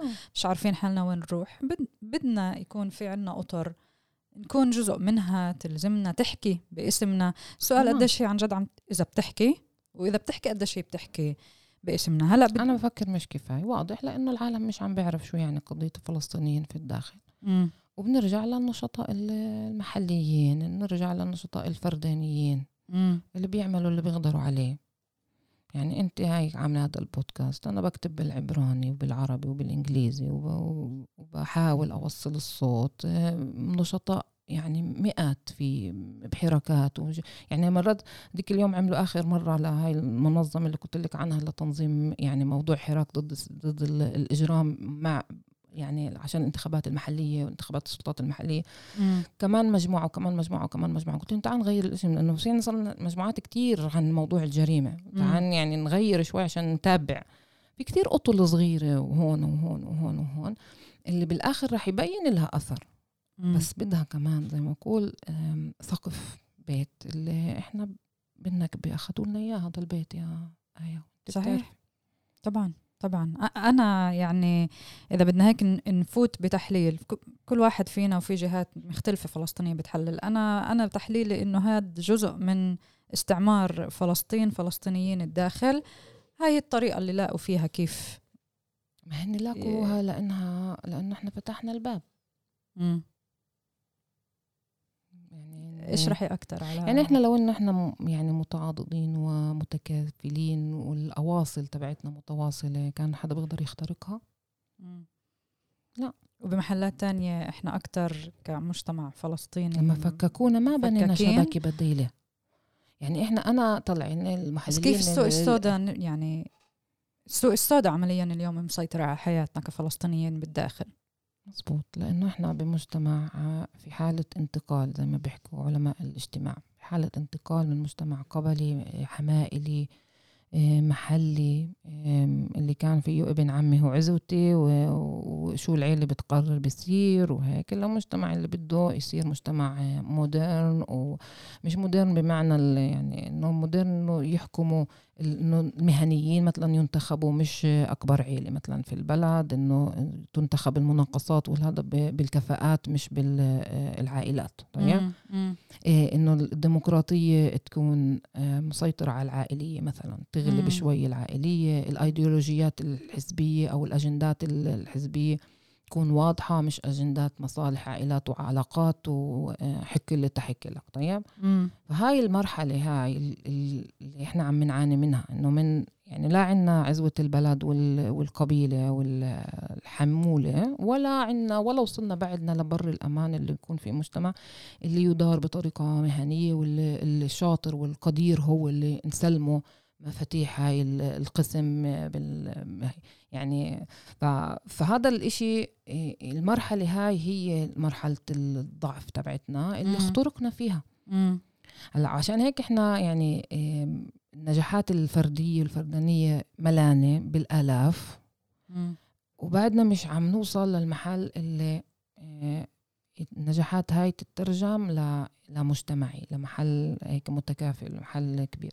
هاي المسيرة ورح نوصلها. إحنا يعني اليوم عم نتعرض لأزمة كتير كبيرة لأنه يعني برحلتنا هاي عشان نصير مجتمع حضري خلينا نقول. صار بدنا مصاري صار بدنا الستاندرد تبع الحياة المعايير الحياة صارت اختلفت. نفس الوقت اختلفت. وبنفس الوقت النظام البنكي في إسرائيل يعني ما شافنا ك شافنا كعبء أكثر من يعني أكثر ننتج وبدنا ناخذ. ففيش فراغ بالعالم. لما في ناس بقول لك أنا بشتغل ومعي مصاري وهي أنا مقاول وهيك وكذا وبدي بدي كمان وبدي فيلا وبدي كذا بدي أدير بالي على حالي واولادي وهيك. على الطريق بدي مصاري. البنك بدوش يعطيني بتعطيني عم... بتعطيني هاي المنظمة الإجرامية وهناك بتبلش ال... تخترق يعني بكفي مرة هون مرة هون مرة هناك وننساش تجارة الأسلحة بدها تبييض أموال مم. شرعا لهاي ال- ال- التجارة المصاري هاي وين بدها تروح مم. مفتح هون مخبز ومفتح هون آه، محل أراجيل وهون محل تليفونات وهيك يعني وهيك بت... هيك التجارة بتصير من. تحت لتحت وإحنا عم نشوف بلداتنا يعني إحنا مظبوط. شايفات الوضع. كلنا يعني فهمات بأي وضع إحنا إحنا موجودات. فإذا بدنا نحكي اليوم على سبعين قتيل شو بتتوقعي إحنا لوين رايحات ورايحين؟ هلا بالمدى القريب وعلى المدى البعيد. أنا بفكر إنه مدى بالمدى القريب إحنا يعني بالطريق للدرك الأسفل. للأسف لمحل كتير صعب لأنه في زي أم، بالعبارة بسموه حلون هزدمنيوت طاقة انفتحت لمنظمات الإجرام لأنه ب... ب... حاليا تحديدا بهاي الحكومة. يعني سارحة والرب راعيها زي ما بقولوا. بالنسبة لهم عارفين إنه لا بنغفير ولا المفتش العام للشرطة ولا بهمهم واللي. قبلهم كان يعني اللي قبلهم. كان شوي أقل. آه، رقميا. نقدرش هذا يعني سوكولوفيتش كان يعني حتى يعني يوم يوم يوم يوم يعني كان في حسه شوي هيك شوي. إنه في حدا يعني لما مرة قبضوا على بيوم واحد على 24 سيارة واخذوهم من أصحابهم. وصادروا ملايين. مم. ملايين كاش ماني مم. دولارات وشواكل هدول الناس يعني هاي هذا وين كان من وين هذا الإشي؟ لما لما نرجع بنقول زي أي ختيارة قاعدة بدارها لما الشرطة بدها لما الدولة بدها بتعمل. طبعا. كان كم من شهر اللي كانت الدولة بدها. وإسا الدولة مم. مش بدها بدها تخرب بدها تزيد. طب يعني ما هن المجرمين هذول بيقرأوا أخبار زي زيك صح؟ تخيل بعرفش بالضبط. وبيعرفوا إنه إسا تفضل هاي بنكفير لا سائل ولا مش سائل اللي عنده شغلة يلا تفضل. مم. تعال نكمل هيك زي زي زي هيك حملة تنزيلات بمفتعيم. مم. تفضلوا. لأنه هاي هي ال- ال- الفترة اللي ممكن يصير فيها فوضى فوضى السلاح واللي عنده إشي تفضل يعمل مش إنه تد... يعني التداعيات اللي عم بيصير هو من قبل وما أنا عم بسألك يعني عن جد. لا إحنا شفنا بشهر ال- الخمسة السنة اللي فاتت كان عندنا 25 قتيل اليوم عندنا 70 مم. يعني ما بقدر أقول إنه في شي فارق إحنا ليش إحنا آه، حاسين. بهاي ال- ال- العنف؟ ليش حاسين إحنا بكل موجة العنف الحالية؟ مم. إحنا كلنا إحنا بنقول صرنا من سنة 2000 وإحنا بنعاني من العنف. لأنه. هاي الموجة قوية. مم. ليش صارت؟ لأنه كان في قبلها هيك شوي هدوء. شوي. وكنا نناقش نقول لا مش بالضبط هدوء ومش بالضبط هيك و20 قتيل كمان كتير وهيك وكل مزبوط مم. بس كان في شوي هيك إحساس إنه قرصوهن. اليوم فيش حدا بقرص بزغزغوهن. مم. والمجرم اللي قتل آه، ديما مشناك وراح ورجع ويطخ كمان مرة. عارف إنه 99% إنه مش راح مش يعرفوا. يصير شيء صح؟ واللي حط قنبلة ل بنت بديعة خنافس. جوهرة خنافس المساك إحنا بنعرف إنه أغلب القضايا صارش مزبوط. فيها إشي. مزبوط فلما إحنا بنعرف هن كمان بيعرفوا. إنه أنا بقدر أعمل هاي الجريمة ما حد يحاسبني. لما أنا ما بتحاسب ما بخاف. لما ما بخاف بعملها كمان مرة والمرة الثانية بكون شاطر أكتر. هاي تدريب. مم. صح؟ مم. فالسيناريو القريب هو كتير صعب بوجع. آه. لحد ما إحنا نصحى. لحد ما يوجعنا كثير لحد ما نقول إنه خلص. وهون بدنا القيادة. مم. وهلا لما بتقولي إحنا مين فينا رح يصحى؟ إذا المؤسسات كل الوقت عم تشتغل. الشعب الناس الموجوعة. مم. الناس اللي حاسة قديش هذا مؤلم قديش ظالم والناس اللي كمان اللي خايفين على أولادهم خايفين على حالهم. والخوف ممكن يحرك شعوب لمحلات كتير كتير قوية. لما أنا خافوا على لما خفنا على بيوتنا لما خفنا من التهجير لما خفنا من برافر لما خفنا من كتير أمور تحركنا مم. لما أنا خاف على أولادي وخاف على بلدي وخاف إنه يعملوا إشي ممكن بصير أتحرك اليوم كل واحد يلا نفسي وبحط شوية كاميرات وهيك بس بموت خوف بضب حالي بعد العتمة مم. طبعا إحنا كلياتنا يعني مش كلياتنا جزء كبير من مجتمعنا حاطط الجماهيري ممكن يحرك شعوب يعني لمحل صحيح. كتير كتير منيح إذا إحنا منوص يعني بنوجهها لمحل كتير منيح مم. محمود درويش قال خافوا يعني لازم نخاف من من جوعي صح؟ مم. إحنا جوعانين للأمان على أمل فعلا سماح كيف بتقول إنه إحنا نشهد فترة مختلفة كفلسطينيين بالداخل تمام. ما ما نفقش كل يوم متوجعين وكمان ما نفقش كل يوم خايفين شو هو الخبر؟ وإحنا بنقرأ ممكن هاي الواقع هالاخبار يتغير. إذا كل واحد فينا بدل ما يفيق يقول أنا اليوم بدي أعمل إشي بالاتجاه الصح. لو بمسك شاب بالشارع لو بحكي بمجموعة إذا أنا معلمة بحكي بالصف بعمل إشي. كل واحد فينا بيقدر يعمل إشي. لو إشي صغير يرفع تليفون لأم ثكلة ويسمع قصتها هذا إشي كتير كبير. ساعتها. بتصير أنت حليفتها شئتي أم أبيتي بصير الوعي تبعك بكل إشي بتعمليه إن كانت صحفية ولا مدرسة ولا عاملة اجتماعية ولا عامل شوارع ولا سواق تاكسي ولا أي إشي. كل واحد فينا ممكن يغير الوعي تاعه ويعمل إشي اليوم مش بكرة اليوم. حتى. نكون لمحل أحسن. على أمل.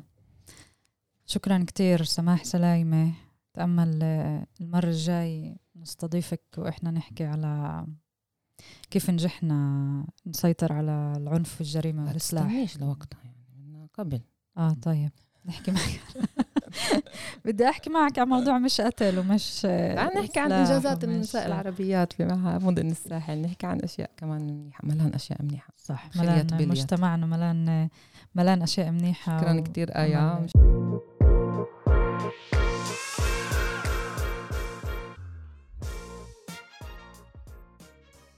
ومع انتهاء شهر أيار راح يكون في برنامج منتدى فلسطين للنشاط الرقمي اللي بنظمه مركز حملة وبهالمناسبة راح نحكي عن البرنامج وعن محتوياته المتنوعة المتعددة آه، مع المدير العام لمركز حملة الأستاذ نديم ناشف. مرحبا مرحبا نديم. أهلا وسهلا. طيب نديم إحنا هيك بسنوات سبقت كمان تابعنا شفنا البرنامج شفنا قديش في متحدثين وفيه بانلز مختلفة فيه عن عدة مواضيع. آه، فلسطين والنشاط الرقمي وعلى كل وسائل التواصل الاجتماعي. شو في بهذا البرنامج هاي السنة؟ صحيح هو عمليا آه، مركز حملة بيعمل منتدى فلسطين وبنظم منتدى فلسطين للسنة السابعة التوالي. الهدف من منتدى فلسطين للنشاط الرقمي عمليا هو أنه نمركز موضوع الحقوق الرقمية ونضعه على طاولة النقاش الجماهيرية وعلى أساس نرفع الوعي بقضايا الحقوق الرقمية المختلفة اللي مركز حملة على مدار السنة بيشتغل عليها. فعمليا بيكون نوع من تركيز. إحنا بنحكي عن آه، ثلاث أيام 23 24 و25 من شهر خمسة من شهر أيار. اللي فيها فعاليات جزء من الفعاليات هاي السنة راح يكونوا وجاهية وجزء من الفعاليات عمليا راح تكون على الأونلاين آه، في السنوات الأخيرة طبعا بسبب كورونا. وما. إلى ذلك كل الفعاليات كانت آه، بالأونلاين بس إحنا حبينا ما نرجع كل شيء لل offline لأنه إحنا بنعرف إحنا كشعب فلسطيني شعب اللي بوضعية سياسية معينة مش الكل بيقدر يتنقل ويكون بأمكنة مختلفة في عنا الشتات الفلسطيني وبفكر منتدى فلسطين للنشاط الرقمي هو بالفعل واحد من الفعاليات القليلة اللي بتجمع كل الشعب الفلسطيني شامل. يعني من الشتات من لبنان من أمريكا من أماكن مختلفة.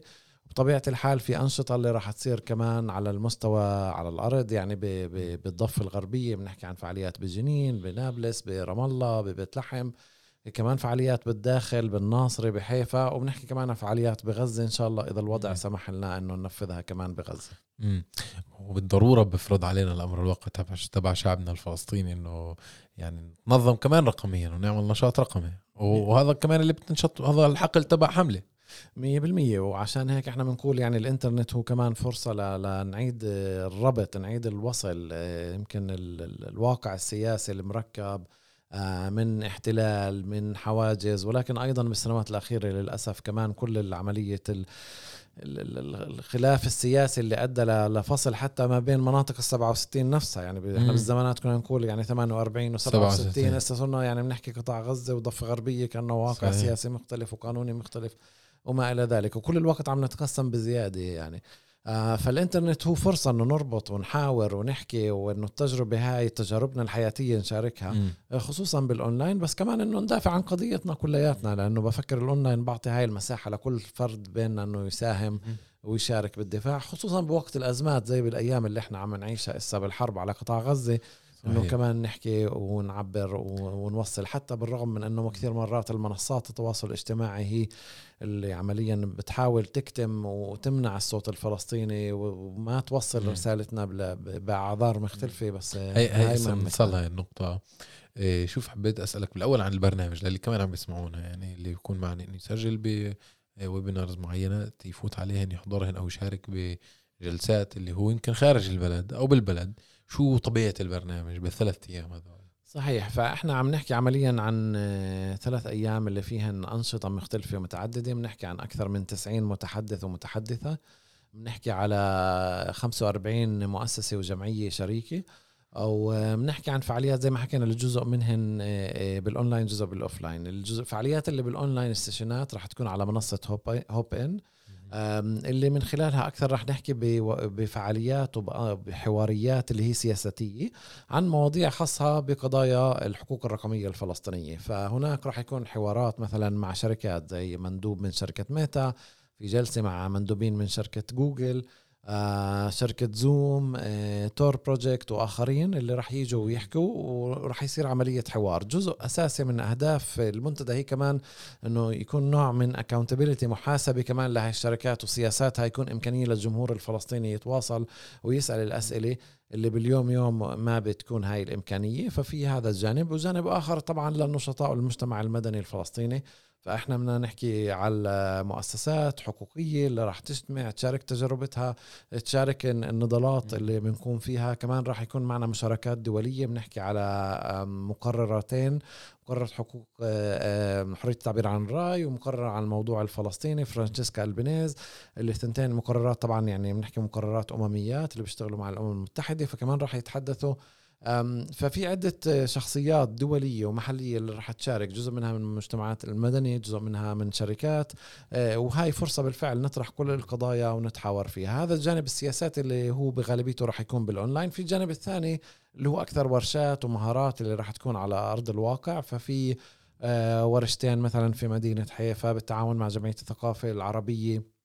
في ورشة بالناصري رح تكون بالتعاون مع مركز إعلام وجمعية نساء ضد العنف. في في ورش اللي رح يكونوا في مناطق الضفة الغربية مع بالتعاون مع جامعات زي جامعة بيرزيت الجامعة العربية الأمريكانية. وطبعا في شركاء كمان بالقدس وبغزة ومناطق مختلفة. وهي دعوة للجمهور يجي يشارك. بهاي الورشات رح زي ما حكينا نحكي على آه، في ورشات مثلا مخصصة للصحفيين عن تقارير عن الحقوق الرقمية وكيف نتعامل مع الحقوق الرقمية. في ورشات عن الأمان الرقمي. إحنا كنشطاء كصحفيين كناس اللي فاعلة بالحقل, فاعلة بالحقل العام وبالحقل الرقمي كيف نحمي حالنا. لأنه اليوم اللي إحنا عم نتعرض لهجومات يعني متواصلة من من أطراف مختلفة. للأسف مرات حتى داخليا فكلها يعني بحاجة إنه إحنا نهاي. فإحنا عم نجيب من أحسن المدربين عالميا اللي بيجوا خصوصي. آه لا منتدى فلسطين للنشاط الرقمي حتى يتواصلوا مع المدربين مع الأشخاص مع المعنيين ويقوموا بهاي التدريبات. طب نديم آه حكيت إنه المنتدى تنظم على مدار ست سنوات آه بالسنوات السابقة وكل مرة كان المنتدى يكون عنده اهدافه الواضحه ليش هو موجود وشو جاي يقدم.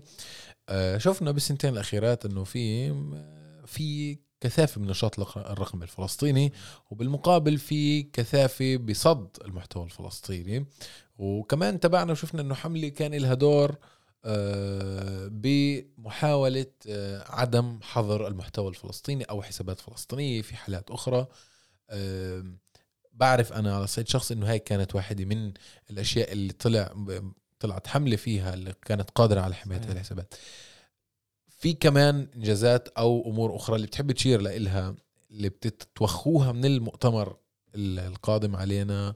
مطالب حكيت جزء من ال accountability مع شركات الميتا وإلى آخره.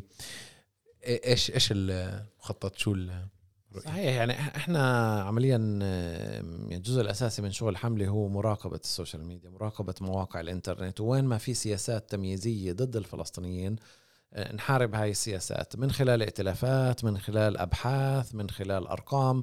آه، واحدة يعني مشكلة أساسية اللي بعاني منها أغلب النشطاء الفلسطينيين والصحفيين الفلسطينيين هي كل موضوع طبعا إدارة سياسات إدارة المضمون يعني خصوصا على ميتا بس كمان على تيك توك على مم. تويتر على باقي المنصات التواصل الاجتماعي إنه في في double standards في معايير مزدوجة. لما بيجي على المضمون الفلسطيني فكل الوقت عم تنزل مضامين. community كنت. آه ولما بيجي على اللغة العبرية فأنت يعني سب إيش بدك حرض إيش بدك. يعني أنا بنقدر إحنا بنعمل مؤشر سنوي اللي فيه يعني بنراقب اللغة العبرية على منصات التواصل الاجتماعي بنشوف كم هائل يعني إحنا رصدنا مثلا بال 2022 580 ألف محادثة اللي فيها آه، سب وتحريض وعنصري وكلام عنصري. وحدث يشمل تعليقات على الفيسبوك يعني. صحيح. آه، ضد العرب والفلسطينيين على منصات التواصل الاجتماعي.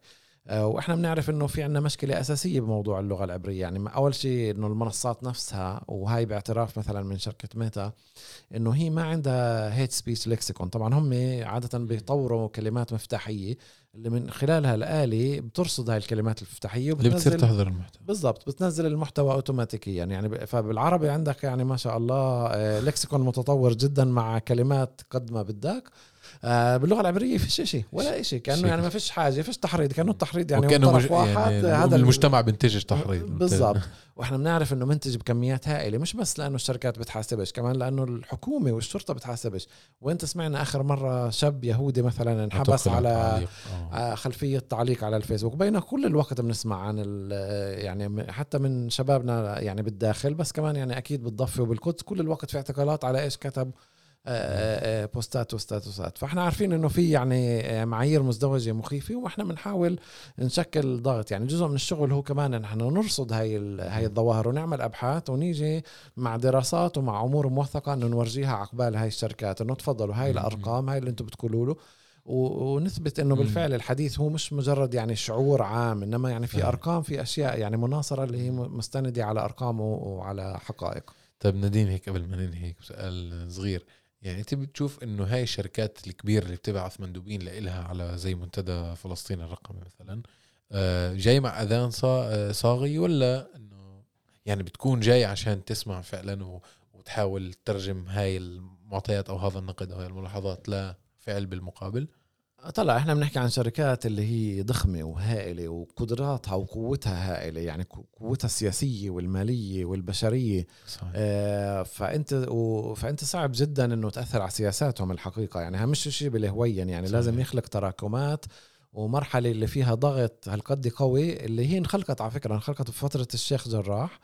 آه، بهبة أيار بال 2021 آه، كان ضغط فلسطيني وعربي دولي تشكل على ميتا اللي ادى انه بالنتيجه ميتا يعني عينت شركة خارجية اللي تفحص سياساتها بإدارة المضمون. والشركة الخارجية اللي اسمها BSR قررت بالآخر إنه بالفعل في آه، في ازدواجية معايير وفي تمييز. هي حكت إنه هذا تمييز مش مقصود وما إلى ذلك حاولت تخفف. وإحنا طبعا نعرف بس هذا في- تمييز وبنيه بس يعني وصلنا لمرحلة انه هم اعترفوا إنه في تمييز لأنه بالأول كان يقول لك لا أنا عندي آه، معايير استخدام دولية وهي تنطبق على الجميع يعني من كشمير لفلسطين لوين مم. بدك. آه، طبعا إحنا وصلنا مرحله انه هم عم بيعترفوا إنه لا في مشكلة هون وإنه لا لازم نعمل hate speech lexicon باللغة العبرية ولازم ننتبه على هون وننتبه على هون. وكل هالنقاط هاي اللي حملة كمان ادارت المعركة وادارت يعني إحنا وصلنا كمان قعدناكم قدام هاي الجهة الخارجية اللي عملت ال- الفحص وقدمنا لها أرقام وقدمنا لها توثيقات بالضبط إيش صار بشهر أيار من ناحية يعني التنزيلات وأي نوع بوستات كانت تنزل. آه، فبالتالي في يعني في محل اللي إحنا موجودين فيه اليوم هو يختلف عن قبل خمس سنين أو عشر سنين وهو أحسن بكثير. يعني كمان إحنا كحملة عينيا قمنا بإرجاع يعني مئات الحسابات خلال مثلا سنة 22 ففي أشياء اللي عم بتصير. هل هاي الإشي اللي بدنا إياه؟ لا بعد إحنا بعاد عن المحل اللي بدنا إياه للأسف. بس أنا أعتقد يعني بشغل منهجي وبشغل مدروس وبشغل مرتب اللي بنعمله إحنا وشركائنا بفكر إنه رح نوصل لمرحلة اللي فيها يكون وضع على الأقل أحسن من الوضع اللي إحنا حاليا موجودين فيه. مدير عام مركز حملة شكرا كثير نديم على هاي المداخلة. رائعة ونرجو لكم النجاح في المنتدى. شكرا شكرا. شكرا لكم يعطيك العافية.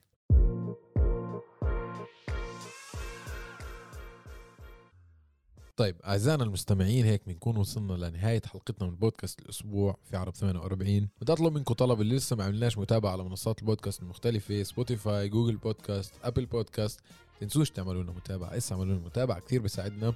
تنسوش تبعثوا لنا مقترحاتكم وملاحظاتكم على الحلقات السابقة وعلى مقترحات لحلقات قادمة وللأسبوع القادم لقاء آخر. يعطيكم العافية.